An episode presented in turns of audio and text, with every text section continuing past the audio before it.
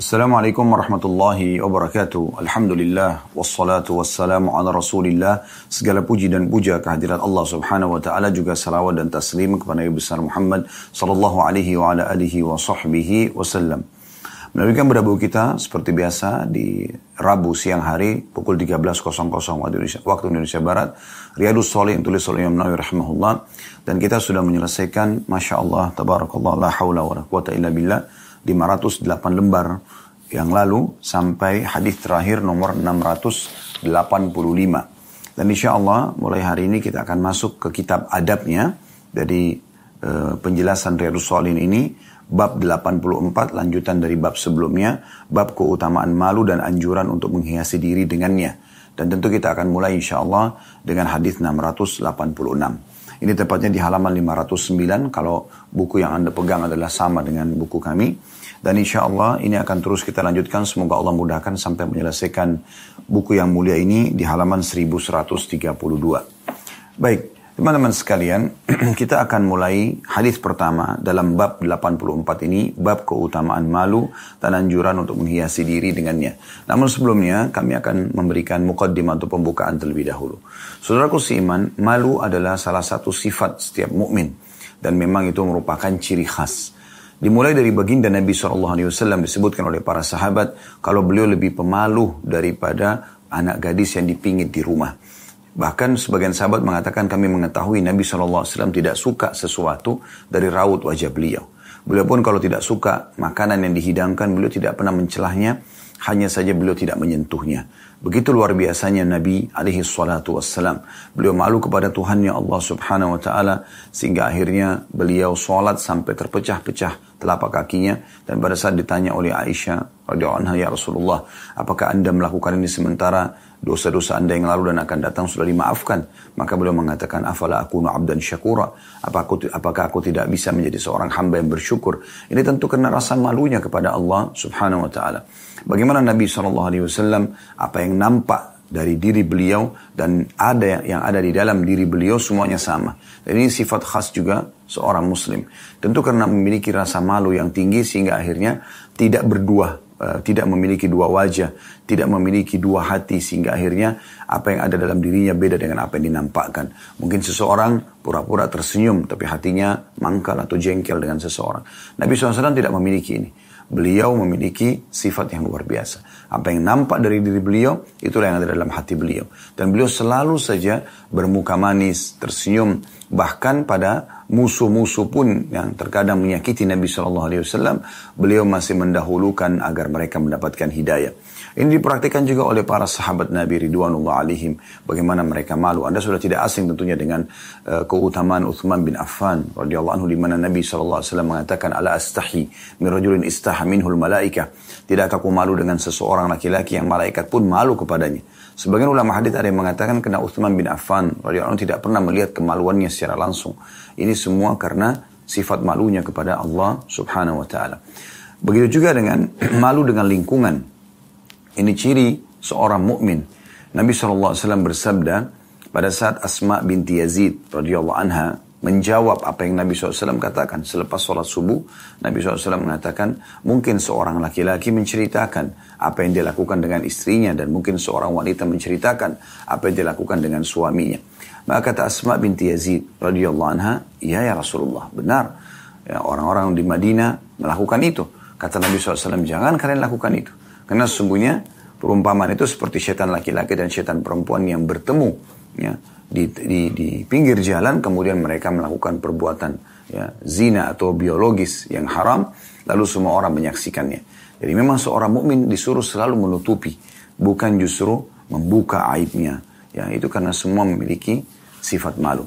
Di bab ini kita akan membahas banyak sekali hadis tentang keutamaan malu ini dan bagaimana seseorang itu harusnya memang terselimuti dengan sifat malu ini sehingga dia malu kepada Tuhannya untuk melakukan pelanggaran-pelanggaran, malu kepada Tuhannya kalau dia tidak melakukan perintah yang sedang diperintahkan atau yang diperintahkan kepadanya, malu kepada makhluk ya yang uh, akhirnya membuat dia juga tidak melakukan pelanggaran-pelanggaran. Semua ini adalah hal mendasar yang harus dimiliki oleh setiap muslim.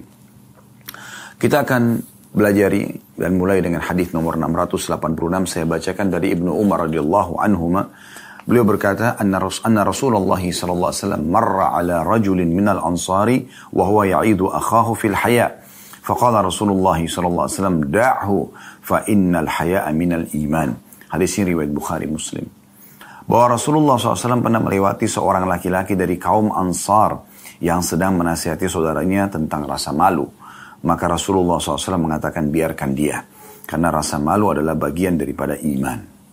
Apa makna hadis ini? Nabi SAW pernah melewati dua orang adik kakak yang sedang berbicara satu sama yang lain. Si kakak sedang menegur adiknya, kenapa kau terlalu pemalu?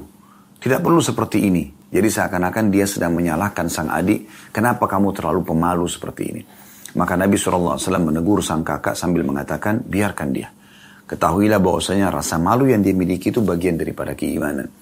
Jadi kita bisa ambil dari hadis ini banyak sekali pelajaran.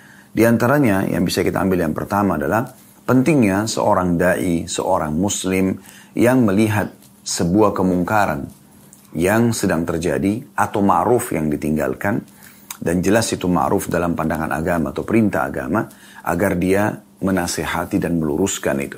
Bagaimana Nabi SAW melihat kejadian ini Kemudian beliau pun langsung mengingatkan. Jadi tidak boleh kita menyelamatkan diri kita sendirian masuk ke dalam surga. Tapi bagaimana kita melihat kalau ada saudara kita berbuat kemungkaran, berhentikan dia, nasihati dia. Minimal doakan. Atau kalau ada orang yang meninggalkan yang ma'ruf, misalnya dia perintah-perintah agama tidak dikerjakan dan kita tahu itu, maka kita pun harus mengingatkan dia pada yang ma'ruf. Dan kita tahu semuanya teman-teman sekalian, kalau hidayah di tangan Allah subhanahu wa ta'ala. Tugas kita hanya menyampaikan. Kita tidak akan pernah bisa menjadi penyebab orang lain dapat hidayah kecuali Allah inginkan. Jadi memang Allah subhanahu wa ta'ala penentu hidayah itu. Bukankah Abu Talib pada saat mau meninggal, lalu Nabi SAW berkata di sebelah sisi kakinya, Wahai pamanku, ucapkan la ilaha illallah, maka aku akan membantumu, menolongmu di hadapan Allah dengan kalimat tersebut. Namun Abu Jahal dan beberapa tokoh-tokoh Quraisy yang dikenal dengan Abu Talib mengatakan, kalau kau ucapkan, maka kami akan membencimu selamanya dan kami akan mengucapkan hal buruk tentang dirimu. Maka dia mengatakan, aku berada di agama kaumku. Lalu dia meninggal. Nabi SAW sempat sedih. Lalu apa kata Allah subhanahu wa ta'ala dalam Al-Quran? Kekal akan dibaca oleh orang-orang beriman sampai hari kiamat. Innaka la tahdi man ahbabt walakin Allah yahdi ma'isha. Engkau tidak bisa memberikan petunjuk kepada orang yang kau cintai, hai Muhammad. Tapi Allah memberikan petunjuk kepada siapa yang dia inginkan. Jadi tugas kita hanya menyampaikan. Kalau dakwah itu targetnya penerimaan, maka setiap orang akan kecewa pada saat tertolak. Nabi SAW ditolak berdakwah 13 tahun di Mekah oleh kaumnya sendiri, oleh kerabatnya sendiri. Bukankah Abu Lahab paman kandungnya, paman, paman kandung Nabi SAW. Plus lagi besan Nabi.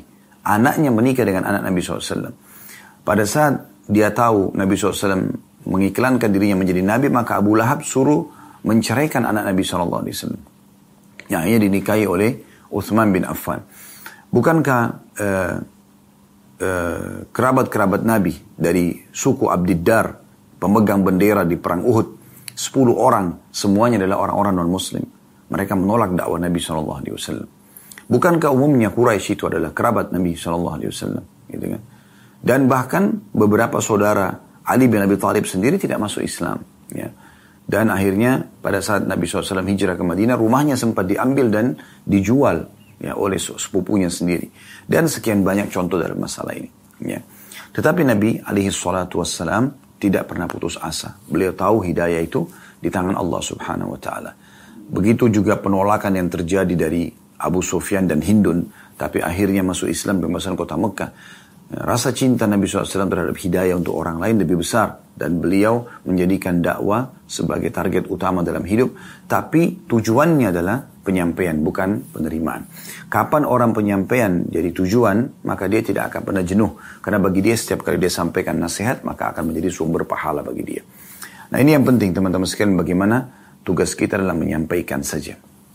Jadi pelajaran dari hadis ini yang pertama adalah bagaimana seseorang muslim tidak membiarkan satu kemungkaran yang terjadi kecuali dia meluruskannya dan juga satu ma'ruf yang ditinggalkan untuk dia memotivasi agar saudara yang muslim mengerjakannya. Kemudian selanjutnya, yang kedua, pelajaran dari hadis ini adalah bagaimana gambaran dari Nabi SAW merupakan saksi bahasan kita bahwasanya bagi, malu itu bagian daripada iman. Ya. Ini dikuatkan dengan banyak hadis-hadis yang akan kita pelajari ke depannya. Gitu kan di antaranya Kata Nabi SAW, eh, malu adalah bagian daripada keimanan dalam beberapa hadis yang lain.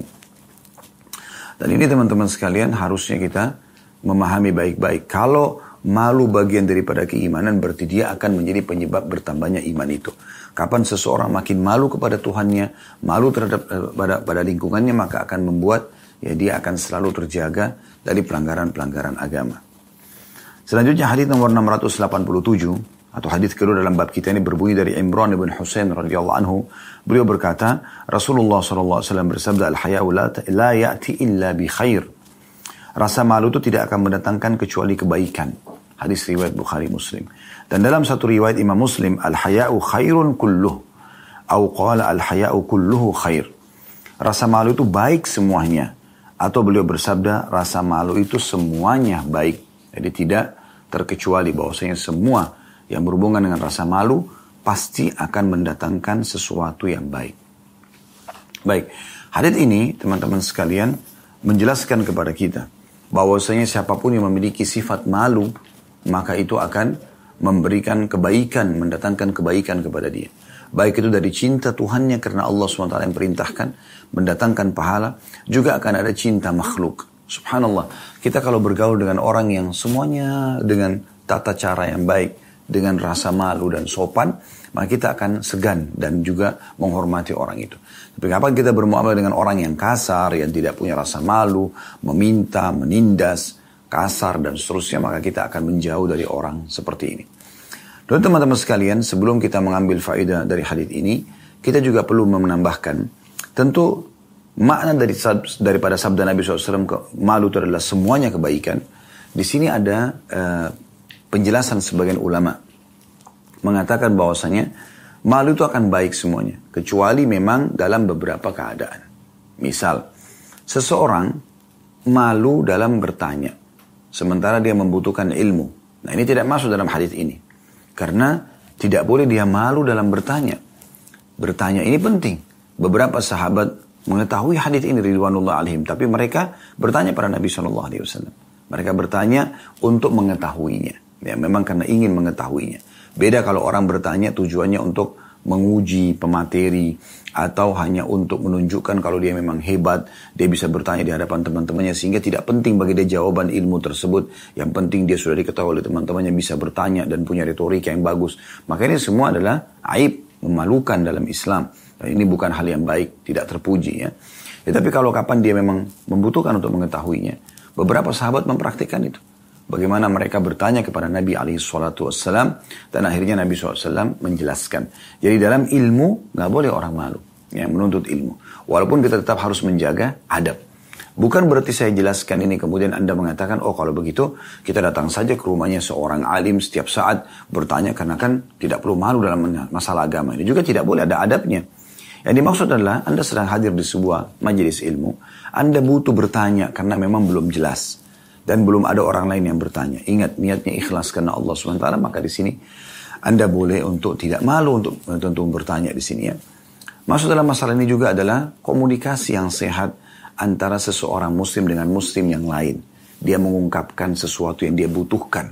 Misalnya dia terlilit utang, dia lagi ada masalah ya, yang dia ingin konsultasikan, dia ingin minta nasihat, minta saran. Di sini tidak perlu orang malu. Karena dalam Islam dibuka pintu untuk itu. Bagaimana seseorang boleh bertanya kepada saudaranya, boleh minta nasihat. Kata Nabi SAW, hak muslim terhadap muslim yang lain, enam di antaranya adalah, Ida stansakah, ida stansahaka fansah lahu. Kalau dia minta nasihat kepadamu, berikan dia nasihat. Kita tidak perlu malu minta nasihat dan saran. Anak kita, seorang wanita misalnya, seorang uh, anak perempuan, dilamar oleh seorang laki-laki. Kita tidak tahu siapa laki-laki pelamar ini. Lalu kita bertanya kepada saudara kita yang lain, tentu di Masalah sensitif menanyakan kepada seseorang tentang laki-laki yang akan melamar anak perempuan kita misalnya. Tapi kalau kita tidak tanyakan, kita tidak mengetahui, tidak mengenal orang ini.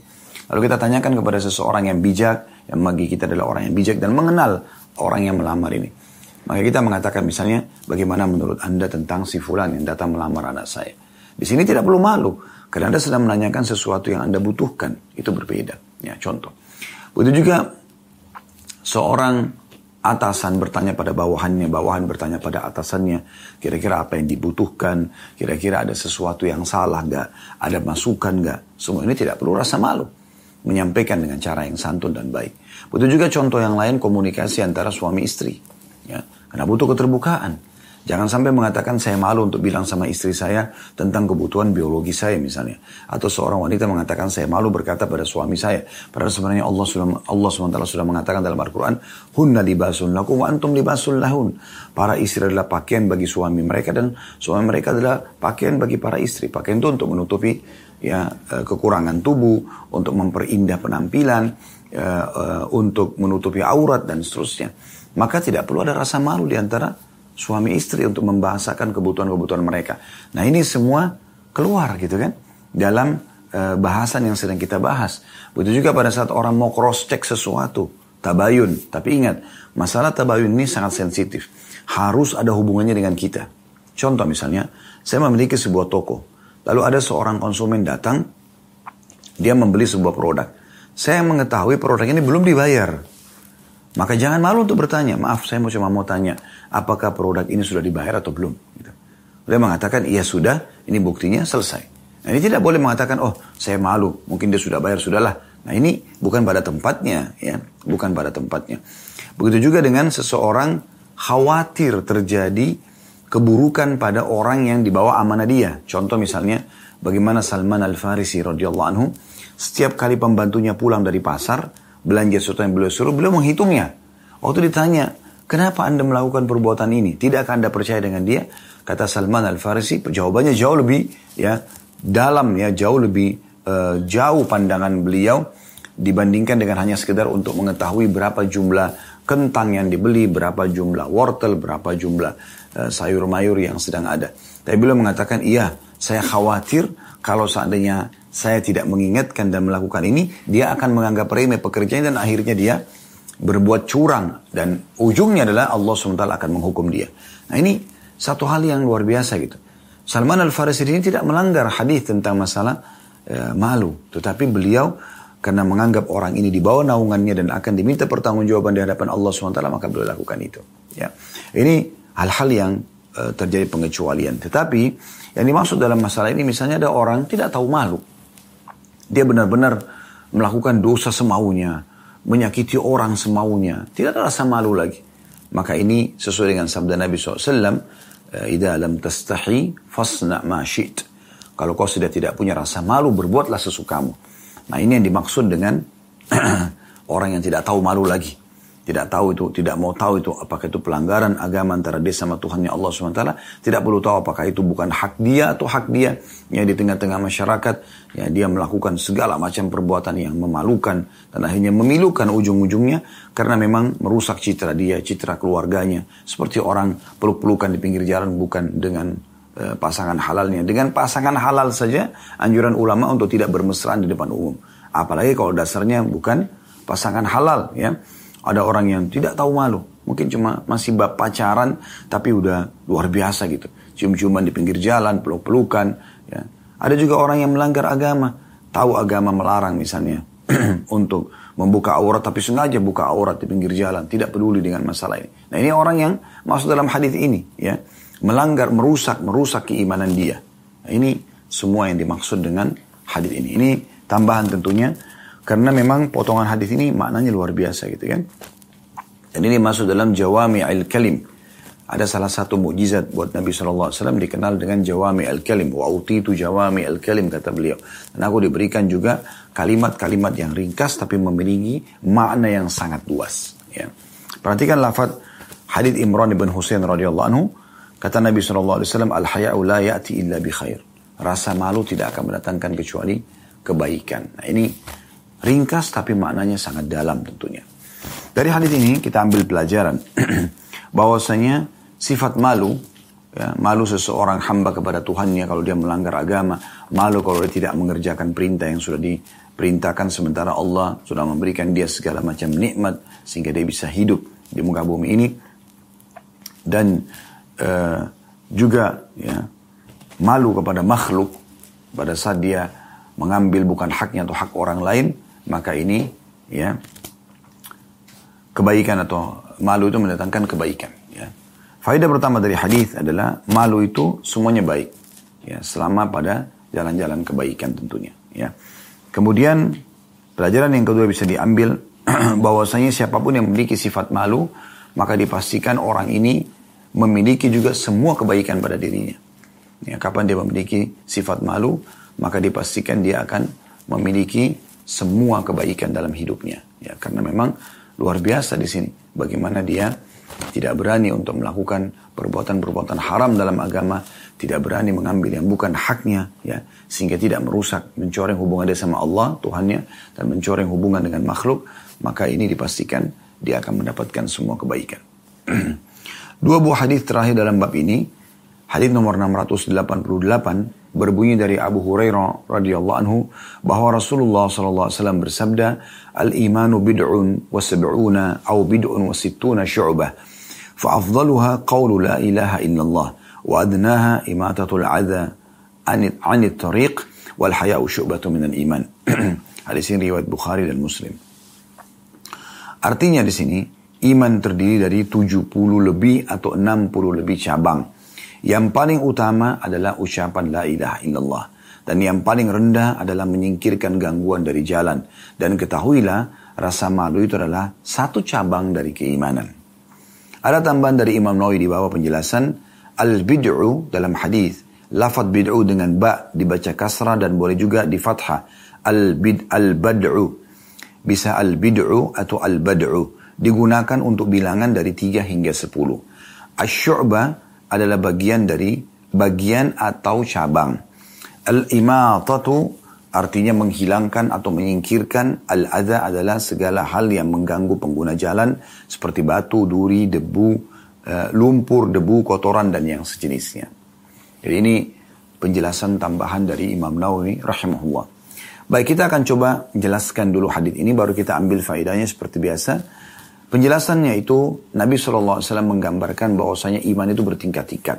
Ya. Jadi artinya setiap muslim dianjurkan untuk mengejar semua tingkatan ini semaksimal mungkin.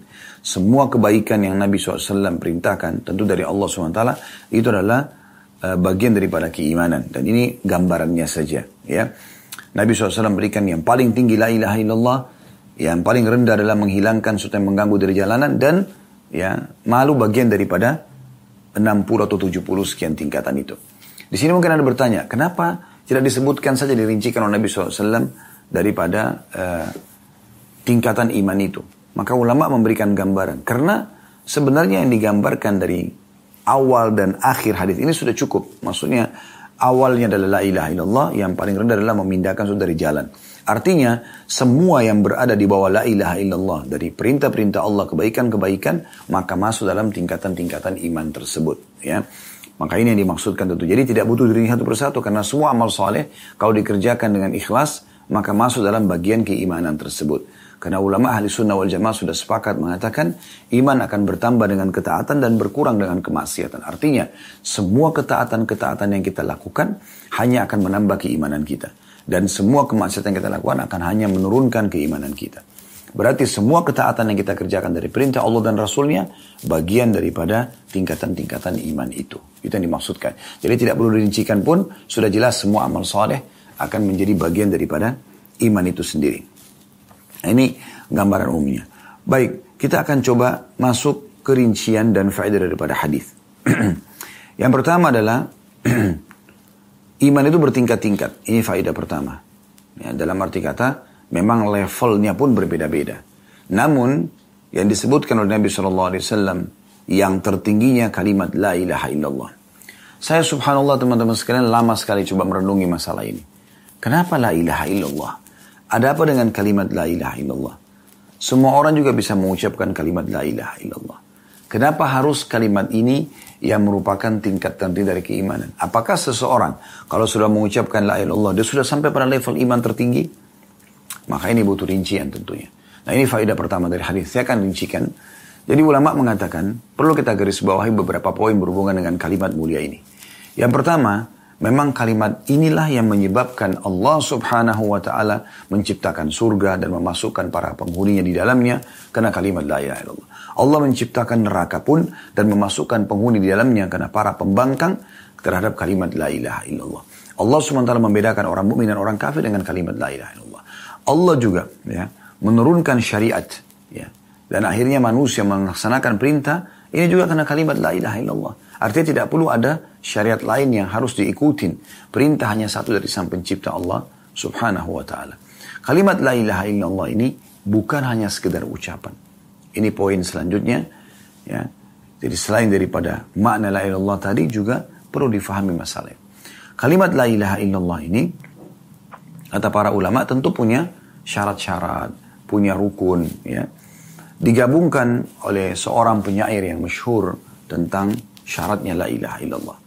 Beliau mengatakan wa fi syurutin sab'atun qad quyyidat.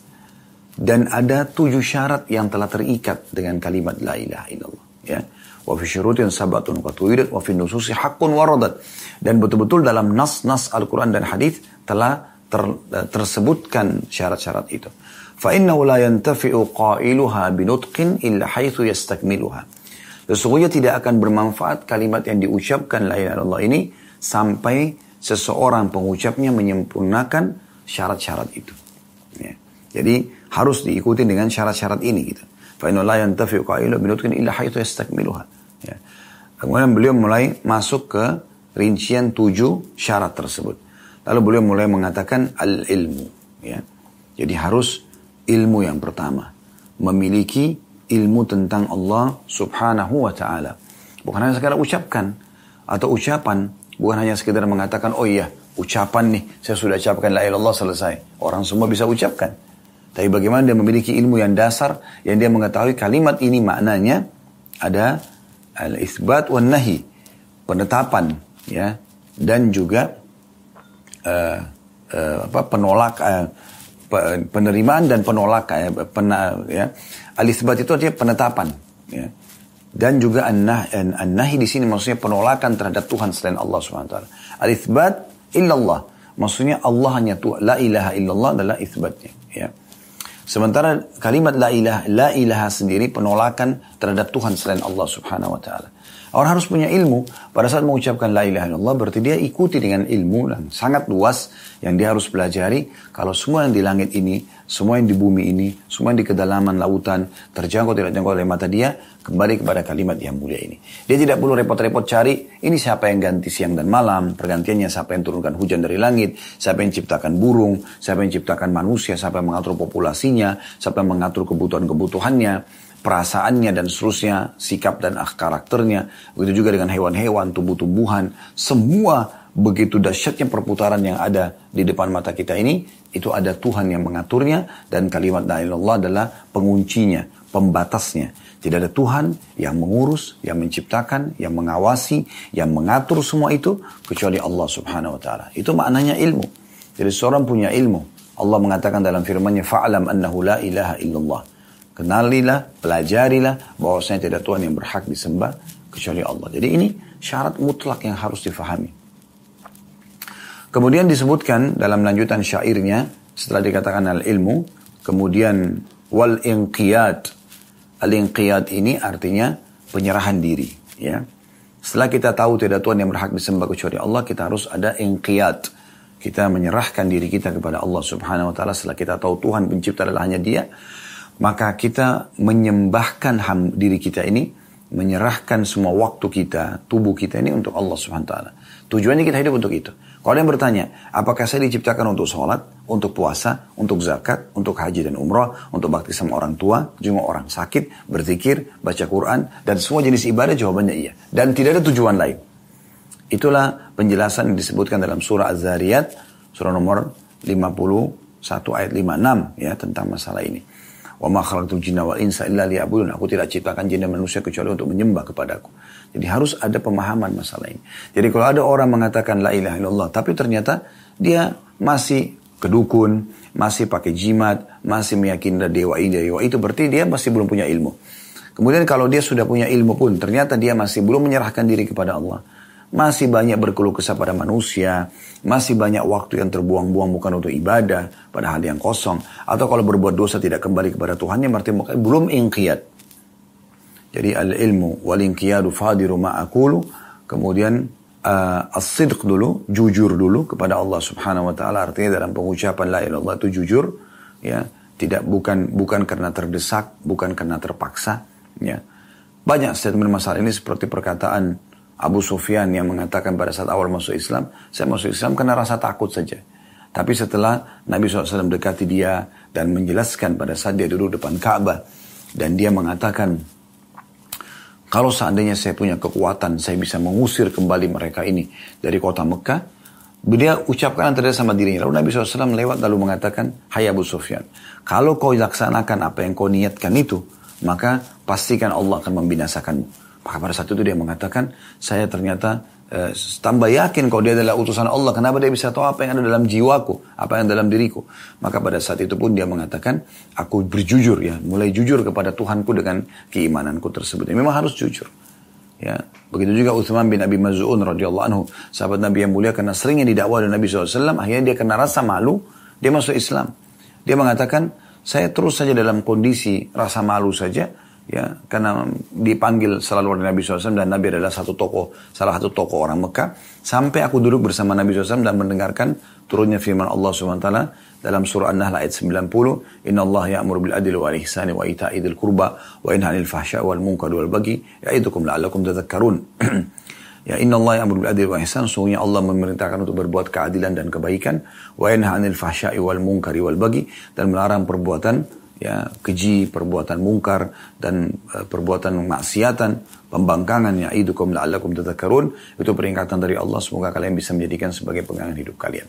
Maka dia mengatakan pada saat itu bertambahlah dan tertanamlah dengan kejujuran isi uh, hatiku tentang keimanan tersebut. Jadi memang harus as-sidq Kemudian yang keempat adalah ikhlas. Bagaimana seseorang ikhlas kepada Allah SWT. Setiap amal yang dia kerjakan bukan untuk makhluk tapi untuk mendapatkan keridhaan Allah Subhanahu Wa. Ya, kemudian setelah ada ikhlas mahabbah, mencintai Allah Subhanahu Wa dan melebihi cinta makhluk tentunya dalam masalah ini. Dan ini tentunya adalah syarat-syarat yang harusnya dipenuhi. Saya akan ulangi perkataan syair yang masyhur. Dia mengatakan, wa syurutin sab'atun qad quyyidat dan dalam syarat ya, la ilaha illallah itu ada syarat yang sudah terikat. Wa nususi haqqun waradat. Dan dalam nas-nas wahyu telah tertulis dengan jelas. Innahu la yantafi'u qailuha binutkin illa haitsu yastakmiluha.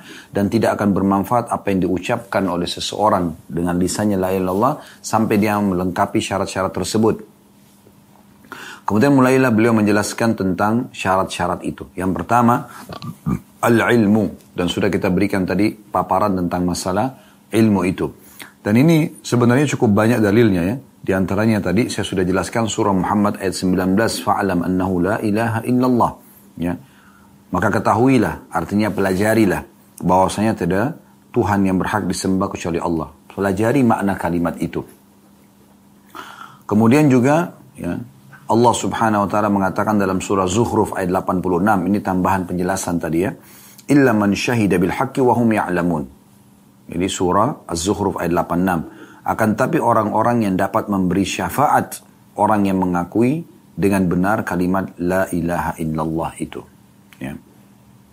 Kemudian dijelaskan dalam hadis Uthman yang masyhur radhiyallahu anhu.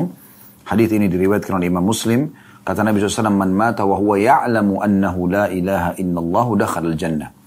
Barang siapa yang mati dalam keadaan mengetahui dengan benar, tidak ada sembah, tidak ada Tuhan yang berhak disembah kecuali Allah, maka dia akan masuk ke dalam surga. Di sini maknanya jelas bahwasanya dia mengetahuinya, ya, dia mempelajarinya.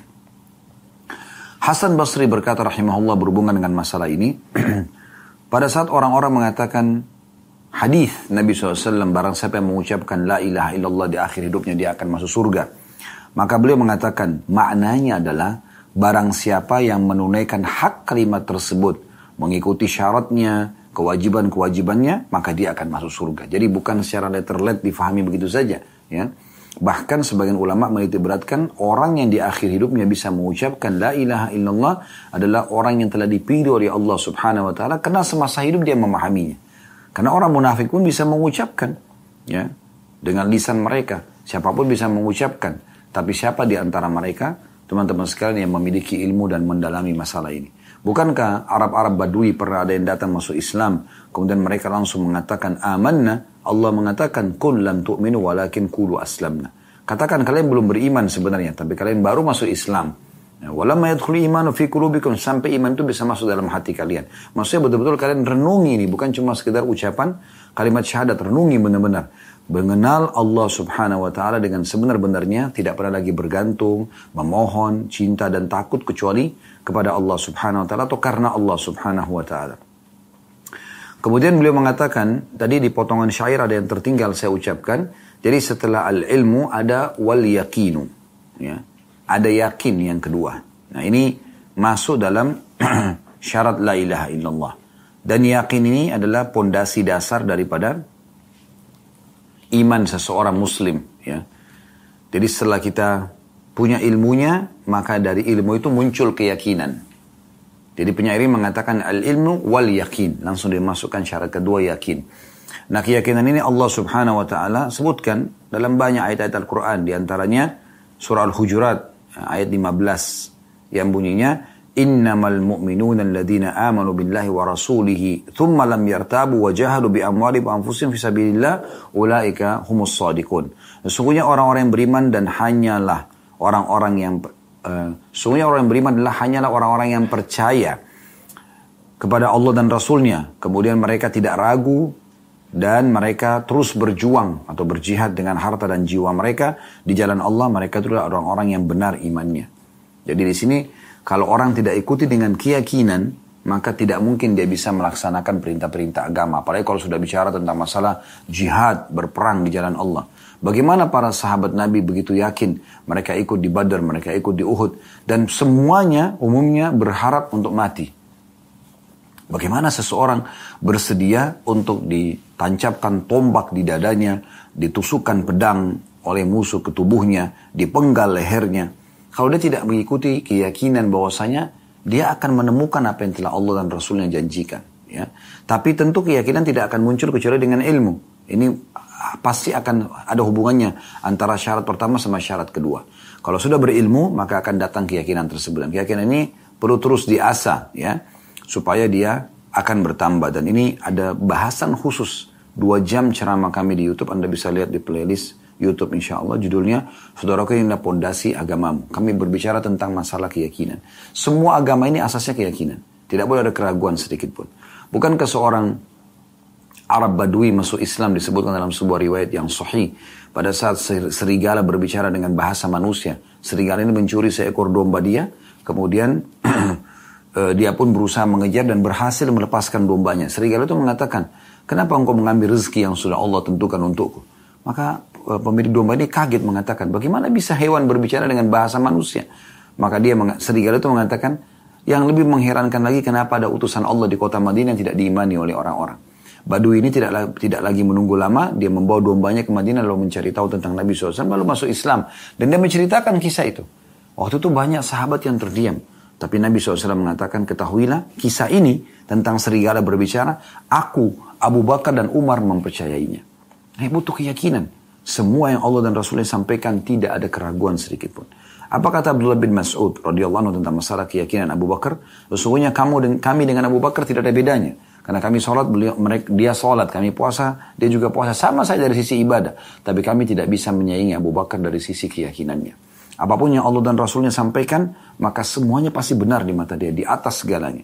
Nah ini keyakinan yang perlu di, dibangun di dalam jiwa setiap muslim. Tidak boleh ragu. Semua orang sudah beramal soleh, dia akan terima hasil daripada itu. Umay amal mithqala khairan yara. Pasti dia akan lihat dan akan diberikan balasannya. Tidak boleh ragu. Semua orang yang berbuat dosa dan tidak bertaubat, umay amal mithqala syarran yara. Siapa yang berbuat seperti biji sawi dari kejahatan, keburukan, kemaksiatan, maka akan diperlihatkan dan akan dihukum. Tidak ada keraguan. Tapi kan ada orang-orang kafir, orang yang kufur kepada Allah, orang yang bermaksiat kepada Allah masih diberikan rezeki. Nabi SAW sudah jelaskan dalam hadis yang sahih. Kalau engkau melihat nikmat Allah melimpah pada seorang hamba sementara dia bermaksiat, maka itu adalah tahapan siksaan. Ya, jadi jelas. Dan seorang mukmin tidak boleh ragu dengan masalah ini. Semua harus kita yakini. Masuk akal atau tidak masuk akal penyampaian wahyu, tetap saja kita akan imani. Bukankah orang-orang ateis mengatakan tidak masuk akal, ada kehidupan setelah kematian, di kuburan orang sudah jadi tanah, bagaimana bisa? Bukankah salah satu tokoh Quraisy datang membawa tulang unta yang sudah lama mati dan dia hancurkan, kemudian dia lempar ke wajah Nabi SAW di depan Ka'bah. Dalam surah Yasin dijelaskan, "Mayyuhil idhama wa ramim." Yang menghidupkan lagi tulang-tulang yang sudah hancur dari debu seperti ini? Maka Allah turunkan wahyu pada saat itu. Yuhyiha alladhi ansha'a awwala marratin wa huwa bikulli khalqin alim.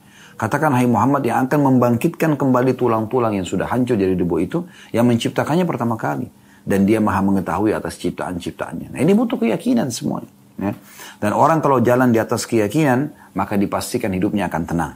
Dia yakin pada saat dia sedang mendapatkan nikmat yang melimpah. Yang ciptakan dia Allah, yang ciptakan nikmat itu Allah, yang bisa mempertahankan hanya Allah. Maka dia hanya bergantung kepada sang pencipta Allah. Di saat dia sedang ada ujian, yang ciptakan dia Allah, yang ciptakan ujian itu Allah, dan hanya bisa memberikan solusi hanya Allah. Ingat hadis Bukhari, kata Nabi SAW, Allah berfirman, kalau seorang hamba itu bergantung padaku, aku akan memenuhi kebutuhannya. Dan kalau seandainya dia bergantung kepada selainku, aku akan biarkan dia dengan gantung kegantungannya itu, maksudnya sekutuku itu. Jadi seseorang hamba harus penuh dengan keyakinan terhadap Tuhannya. Ini syarat yang kedua. Yang ketiga, jadi juga tadi luput juga ini ya, wal qabul, penerimaan. Jadi setelah yakin ada al-qabul. Ya. Maksudnya penerimaan. nah penerimaan ini teman-teman sekalian adalah penerimaan semua tanpa terkecuali apa yang Allah subhanahu wa ta'ala telah perintahkan dan Allah larang. Apa yang sudah Allah takdirkan semua diterima. Dan selalu berfikiran dan bersangka baik kepada sang pencipta Allah subhanahu wa ta'ala. Jadi pada saat Allah menciptakan dia misalnya dari suku Melayu misalnya. Dengan para wajah seperti ini misalnya. Ya udah, alhamdulillah, berarti Tuhan saya lebih tahu. Dan dia di sini menerima semua itu. Ya. Tidak ada dia protes keputusan Allah Subhanahu wa taala. Pada saat dia diberikan umur tertentu, pada saat dia diberikan ujian, semuanya adalah al-qabul Penerimaan ya terhadap apa yang Allah Subhanahu wa taala ya, telah tentukan kepada dia. Kemudian yang keempat baru masuk tadi al-inqiyad. Penyair mengatakan wal-inqiyadu fadru ma'akul. Dan penyerahan diri kepada Allah subhanahu wa ta'ala. Jadi setelah penerimaan baru ada penyerahan diri kepada Allah subhanahu wa ta'ala. Allah sebutkan dalam surah Luqman ayat 22 tentang masalah ini. وَمَنْ يُسْرِمْ وَجَهُ إِلَى اللَّهِ وَهُوَ مُحْسِنٌ فَقَدْ اسْتَمْسَكَ بِالْعُرْوَةِ الْوُثْقَى urwatil wuthqa. Barang siapa yang menyerahkan diri kepada Allah sedangkan dia ah, adalah orang yang berbuat kebaikan, maka sungguhnya ia telah berpegang teguh pada buhul tali yang kokoh. Jadi seseorang ya menyerahkan dirinya kepada Allah Subhanahu wa taala artinya siap ya untuk menghabiskan dan energinya, waktunya, ya semua potensi yang ada pada dirinya untuk Allah dan Rasulnya. Maka itu dikatakan makna inqiyad. Ya. Setelah dia menerima, dia menyerahkan dan siap untuk tanda kutip di sini dipakai semua potensi dalam diri dia untuk agama. Ya. Itu inqiyat. Yang keempat. Kemudian baru masuk yang kelima as-sidq. Jujur ya. Tadi sudah kita berikan gambaran ini tapi as-sidq adalah jujur kepada Allah Subhanahu wa taala. Jadi lebih jelas ini bukan seperti orang-orang munafik ya. Dia pura-pura saja sebagai seorang muslim tapi sebenarnya dia bohong. Orang muslim tidak seperti itu, dia jujur. Kalau dia sudah memahami la ilaha illallah yang sebenarnya dia tahu ini adalah syaratnya maka dia akan jujur dengan keimanannya. Maka ini syarat yang kelima. Yang keenam al-ikhlas. Ya. Bagaimana dia tulus dan ikhlas kepada Allah subhanahu wa ta'ala. Kalau tadi yang kelima itu as-sir itu jelas orang-orang munafik ya Allah gambarkan dalam surah Al-Munafikun ayat 1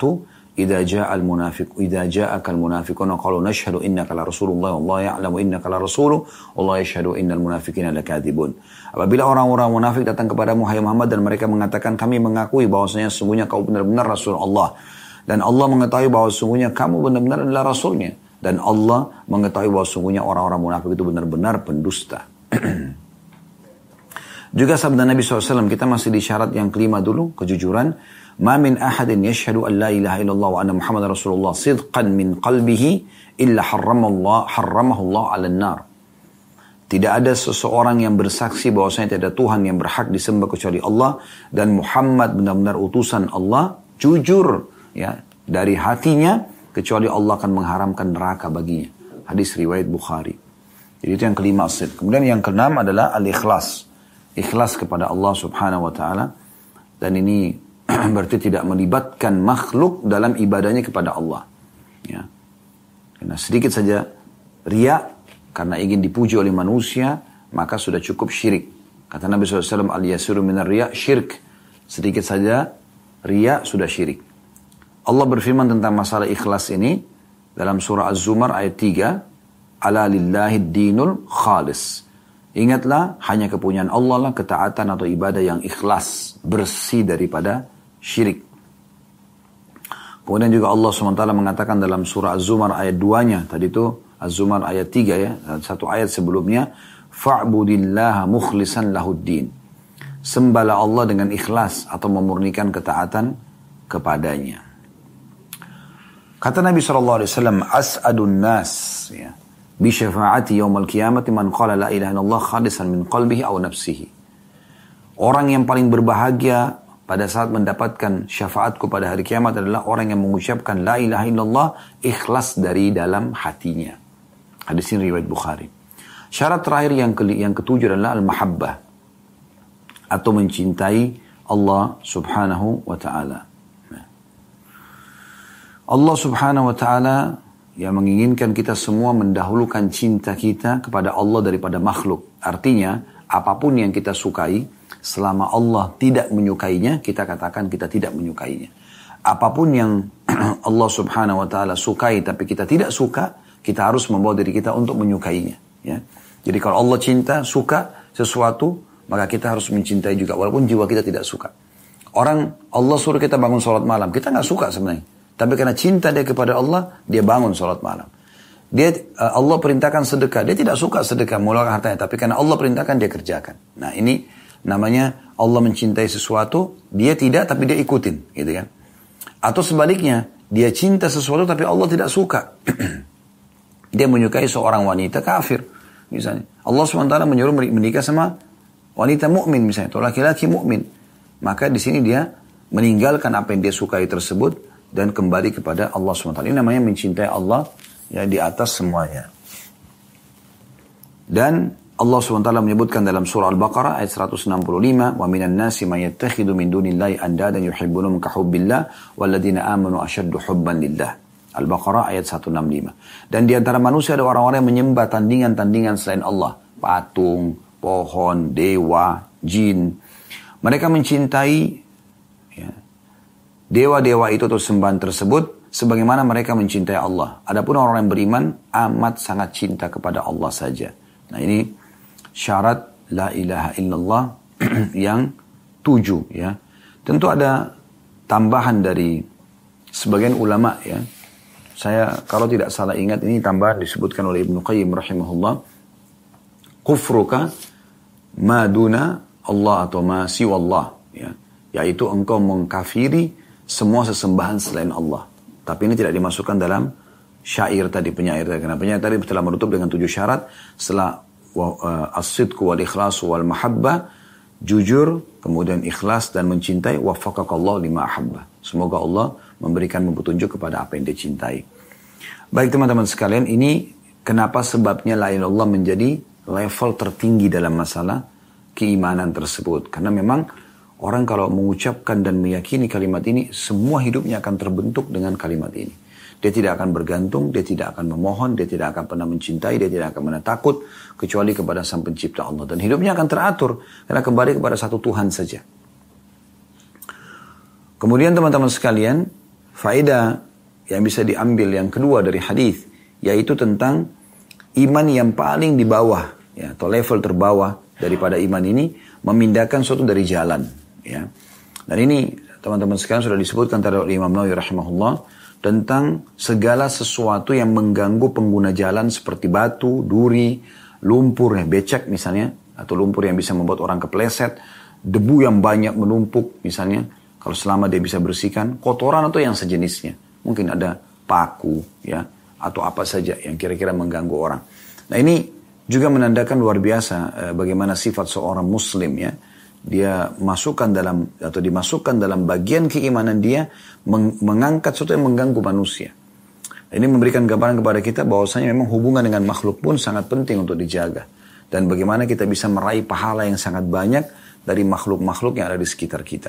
Nah ini poin penting juga untuk digarisbawahi. Ini faedahnya adalah bahwasanya memindahkan sesuatu yang mengganggu orang lain di jalan bagian daripada keimanan seorang muslim. Ada sebuah hadis yang sahih kata Nabi SAW, aku diperlihatkan orang dari umatku yang menikmati uh, istananya dan juga pohon-pohonnya di surga karena pernah memindahkan sesuatu yang berbahaya dari jalan ya sehingga tidak tidak menimpa orang lain. Itu sebuah karunia yang luar besar, yang luar biasa besarnya dan ini kelebihan seorang muslim ya sampai memindahkan saudari jalan pun bisa ya menambah keimanan dia tentunya. Pada terakhir dari hadis adalah saksi bahasan kita, ini faedah yang ketiga, bahwasanya malu bagian daripada keimanan tersebut. Dan ini sudah kita rincikan tadi dari awal, bagaimana ya bahwasanya malu itu bagian daripada keimanan. Artinya kalau orang selalu menjaga dirinya untuk tidak berbuat dosa kepada Allah, dia selalu mengerjakan ketaatan karena rasa malunya kepada Allah. Dia juga menjaga nama baiknya di tengah-tengah masyarakat, di tengah-tengah manusia. Karena malu dengan mereka, maka itu bagian daripada keimanan dia. hadis terakhir teman-teman sekalian kita tutup dengan ini hadis nomor 689 dari awal belajar.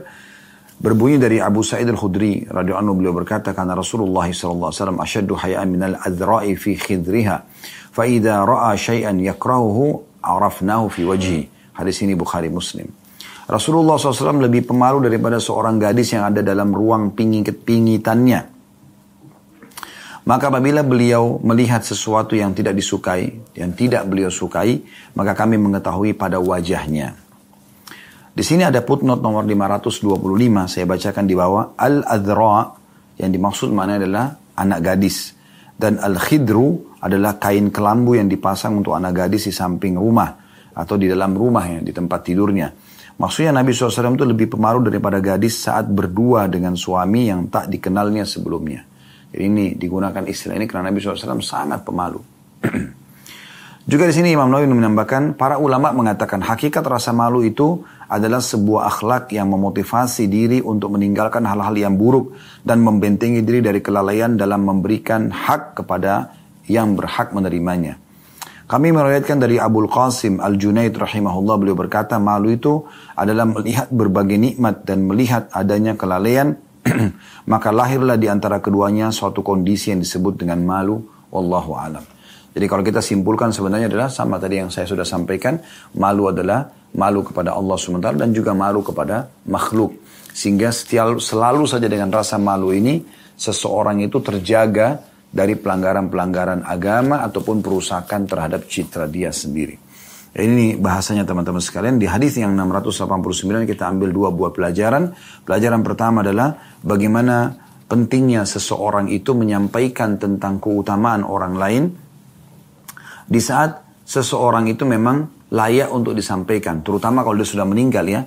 Seperti sini Abu Sa'id al-Khudri radhiyallahu menukil tentang sifat malunya Nabi Shallallahu alaihi wasallam ya. Kemudian yang kedua adalah pelajaran bagaimana uh, Nabi Shallallahu alaihi wasallam adalah orang yang paling baik untuk menjadi suri teladan dan contoh dalam banyak dari seluruh hal yang harusnya dipegang oleh setiap muslim, terutama rasa malunya. Bagaimana Nabi SAW digambarkan saking pemalunya, sampai-sampai lebih malu daripada seorang anak gadis yang baru menikah, belum pernah ketemu sama suaminya sama sekali yang dinikahi ini, dan lagi berduaan di atas ranjang. Bagaimana malunya anak gadis tersebut untuk disentuh, untuk, untuk ngomong, untuk, untuk menatap suaminya, begitulah digambarkan Nabi SAW lebih malu daripada anak gadis tersebut. Sampai kata Abu Sa'id al-Khudri, kami tahu uh, Nabi SAW tidak suka. So dari perubahan raut wajah beliau saja. Dan ini sebuah akhlak yang luar biasa. saya pernah subhanallah uh, punya pengalaman pribadi yang tidak mungkin saya bisa lupa. Uh, dari seorang guru kami Syekh Salih Suhaimi Hafidahullah. Pada saat beliau datang ke Indonesia satu waktu. Dan hampir setiap hari dia minta saya berkhidmat pada beliau karena saya Waktu itu di Condet dan beliau ada di uh, Jakarta Pusat waktu itu. Nginap di sebuah hotel. Satu waktu subhanallah setelah beliau sekitar dua minggu mungkin di Indonesia, saya sempat sakit. Waktu itu tidak bisa datang ke beliau. Kemudian beliau mengatakan, Khalid saya akan datang sekarang. Padahal beliau dalam kondisi buta matanya. Memang ditemani oleh istrinya, orang kita orang Indonesia, yang Masya Allah sampai sekarang sudah 14-15 tahun bersama beliau. di kota Madinah Allah sudah berikan uh, keturunan anak perempuan juga uh, akhirnya beliau datang ke rumah. Dan saya coba melayani semampu saya, karena waktu itu saya di rumah sepupu, bukan di rumah sendiri. Ya, ini cerita sekitar mungkin 13-14 tahun yang lalu, atau awal beliau menikah. Kemudian saya sempat uh, berdiri menuju ke dapur, saya melihat ada susu Uh, kemudian saya tuangkan beliau di gelas. Setelah itu saya hidangkan, lalu ngobrol sebentar. Subhanallah pada saat beliau, uh, saya bilang, Syekh silakan minum. Saya angkatkan gelasnya karena beliau tidak melihat. Lalu beliau pegang gelas tersebut. Lalu beliau meminumnya mungkin setengah teguk, bukan seteguk ya. Kemudian beliau letakkan. Habis itu uh, saya ngobrol lagi. Saya tidak tahu apa yang terjadi dengan susu itu gitu. Tapi akhirnya saya mengatakan, siapa tidak minum lagi? Dia bilang jazakallah khairan, insya Allah cukup. Ya, dia bilang begitu. Setelah itu beliau pamit pulang, uh, setelah banyak ngobrol dengan kami, saya baru tahu ternyata kenapa beliau tidak meminum susu itu setelah beliau pulang, saya melihat susu ini masih banyak. Saya sempat uh, mencium susu tersebut, ternyata susu itu sudah basi. Tidak ada maksud kemudian dalam masalah ini. Tapi saya melihat subhanallah beliau tidak ngomong apa-apa. Beliau hanya sekedar meletakkan kembali dan hanya mengatakan jazakallah ini sudah cukup. Saya terus mengambil pelajaran dari akhlak-akhlak seperti ini, bagaimana sifat malu ya untuk uh, diterapkan dalam kehidupan dan tidak perlu menyakiti hati orang yang memberi karena mungkin dia juga tidak bermaksud. Tapi ini sebuah pelajaran ya Allah alam yang saya ambil secara pribadi tentunya. Kalau benar dari Allah, kalau salah dari saya mohon dimaafkan. Subhanakallah bihamdika, asyhadu an la ilaha illa anta astaghfiruka wa atubu ilaik. Wassalamualaikum warahmatullahi wabarakatuh.